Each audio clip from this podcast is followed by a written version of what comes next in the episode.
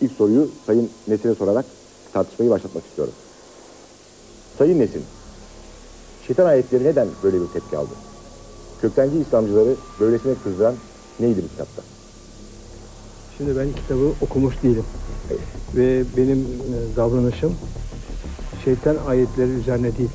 Şeytan ayetleri ikinci planda kalıyor. Bir kitabın çevirisinin ve yayınlanmasının Türkiye'de yasak olması. Önemli olan bu.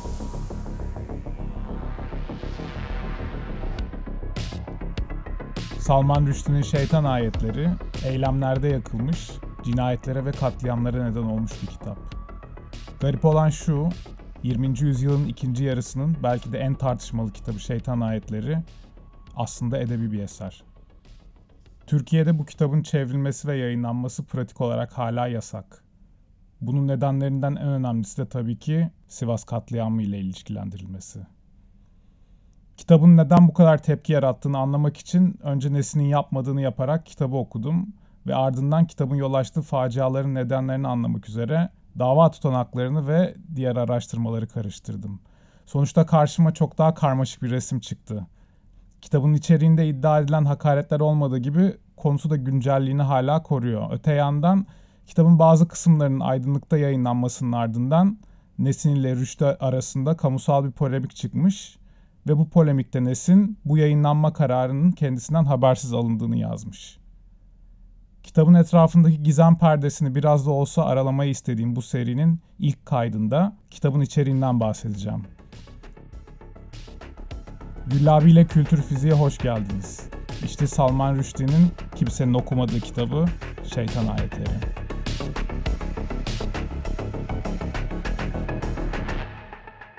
Biraz önce söylediğim gibi kitabın hala Türkçe çevirisi bulunmuyor.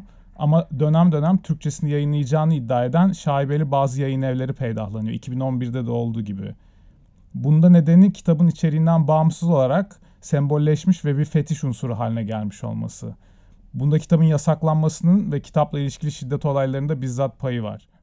Ancak tabii bir diğer nedeni de Salman Rushdie karşıtlarının kitabı nasıl tanımladıkları ve müstehcen olanın daha da fazla arzulanması. Kitabın içeriğine girmeden önce Sivas katliamı davasının 1994-190 gerekçeli karar tutanağında savunma avukatlarının kitabı nasıl tanımladığına bir bakalım. Müslümanların kutsal değerlerine, peygamberleri Hazreti Muhammed sallallahu aleyhi ve sellem ve müminlerin anneleri olan hanımlarına hakaret eden, yayınlandığı günden beri halkı Müslüman beldelerin tamamında terlin, protesto edilen bir sürü karışıklık ve ölüme sebebiyet veren bir kitap. Bu görüş Sivas katliamı öncesinde dağıtılan Müslümanlar imzalı broşürle de birebir uyuşuyor. Ki bu broşür katliam öncesi halkın galeyana gelmesindeki en önemli etken olarak görülmüştü. Benzer bir şekilde 1 Temmuz'da Aziz Nesin'le röportaj yapan TGRT'li gazeteci de aynı ifadeleri kullanmıştı. Diğer bir konuda tabii kitabın ismi ya da atıfta bulunduğu tarihsel iddia. Yani şeytan ayetleri ya da Garanik hadisesi. Bu iddiaya göre Necm suresinde Mekke dönemi tanrıçalarından Menat, Lat ve Uzza'dan bahseden ayetlerden hemen sonra şeytan tarafından birkaç ayet daha naklediliyor. Ve bu ayetler putları öven ve bu tanrıların melek olarak kabul edildiği anlamına gelebilecek bazı ifadeler içeriyor. Daha sonra bunları nakledenin Cebrail olmadığı anlaşılınca bu hata düzeltiliyor ve ayetler Kur'an'dan çıkartılıyor. Bu esasen İslam tarihine dışarıdan yapılan bir isnat değil, Aksine bu iddianın yazılı olarak ilk ifadesi 9. yüzyıl müfessiri El Tabari'ye dayanıyor. Ve dolayısıyla da yüzyıllar boyunca ilahiyatçılar arasında tartışmalara yol açıyor.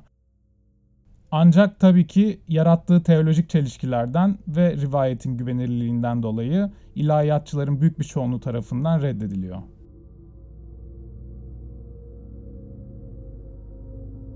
Bütün bunları şimdi bir kenara bırakıp kitabın esas içeriğine bakarsak Temelde Salman Rushdie'nin Şeytan Ayetleri, Müslüman geçmişe sahip iki Hint aktörün İngiltere'de başlarından geçen gerçek ötesi hikayesini anlatıyor. Kitabın ana karakterleri Anglofil ses oyuncusu Saladin Chamcha ve Hint tanrılarını canlandırmasıyla ünlü Bollywood yıldızı Gibreel Farishta. Bu iki karakterin yolları ilk olarak Hindistan'dan Birleşik Krallığa uçarken kesişiyor ve bindikleri bu uçak Sih teröristleri tarafından kaçırılıyor. Ardından tam Manş denizinin üstündeyken uçakları patlıyor ve Fariş da meleğe dönüşerek hem kendini hem de Çamça'yı kurtarıyor. Bütün bu kısım aslında sadece hikayenin başlangıcı ve hikayenin geri kalanı insanüstü yaratıklara dönüşen Farişta ve Çamça'nın sürreel maceralarını takip ediyor.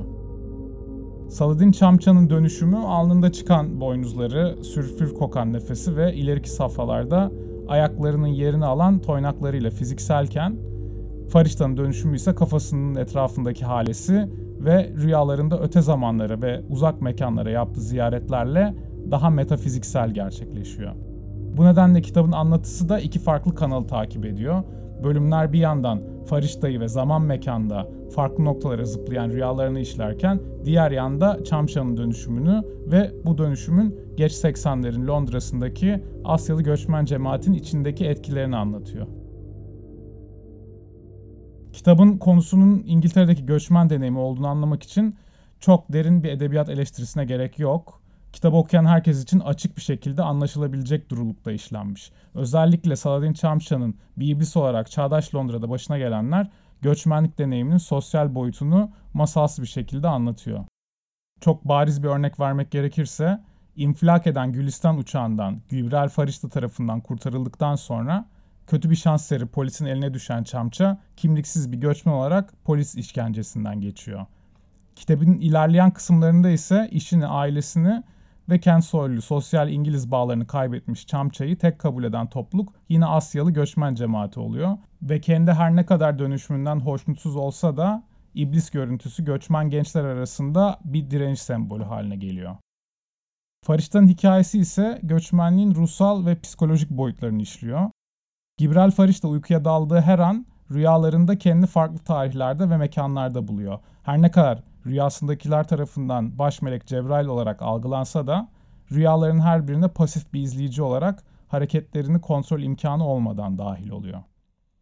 Farişta'nın durumuyla Rüşt'in anlatmak istediği göçmenliğin ruhsal ve zihinsel bölünmüşlüğü. Örneğin fiziksel olarak bir mekandayken zihinsel olarak başka bir mekanda olabilme durumu. Ama diğer yandan Rüştü, Farişta'nın kişisel hikayesini ve geçmişi üzerinden kitabın göçmenlik dışındaki bir diğer ana konusunu anlatıyor. O da inanç ve şüphenin çatışması. Bir ses oyuncusu olarak kimliğini saklamayı öğrenmiş Anglofil Çamça'nın bir iblise dönüşerek öteki kimliğini saklayamaz hale gelmesi onun için ne kadar büyük bir cezaysa inancını kaybetmiş bir Müslüman olarak Farişta'nın meleğe dönüşmesi de esasen o kadar büyük bir ceza. Nitekim kitap boyunca da akıl sağlığını devamlı kötüye giden Farişta en sonunda sevgilisini öldürerek bir kadın cinayeti işliyor ve ardından da intihar ediyor. Bugün perspektifinden bakarsak kitabın neredeyse yazılı dönemden çok daha güncel olduğunu söyleyebiliriz bence. Özellikle de kitabın Müslüman kimlikli göçmenlik ve yabancı düşmanlığı temalarını değerlendirdiğimizde. Günümüzde Türkiye'den özellikle ekonomik ve politik nedenlerden dolayı ayrılmak zorunda kalmış kent soylu orta sınıfın batıdaki ırkçılığı keşfetmesiyle ilgili neredeyse her ay yeni bir röportaj yayınlanıyor. Ama bir yandan Türkiye'lilerin yaşadığı bu ülkelerde yabancılara karşı şiddet eylemleri tırmanırken diğer yandan da ironik olarak bizzat Türkiye'deki sığınmacılara karşı düşmanlık artıyor. İşte tam bu noktada bugünlerde okunması gereken bir kitap Şeytan Ayetleri.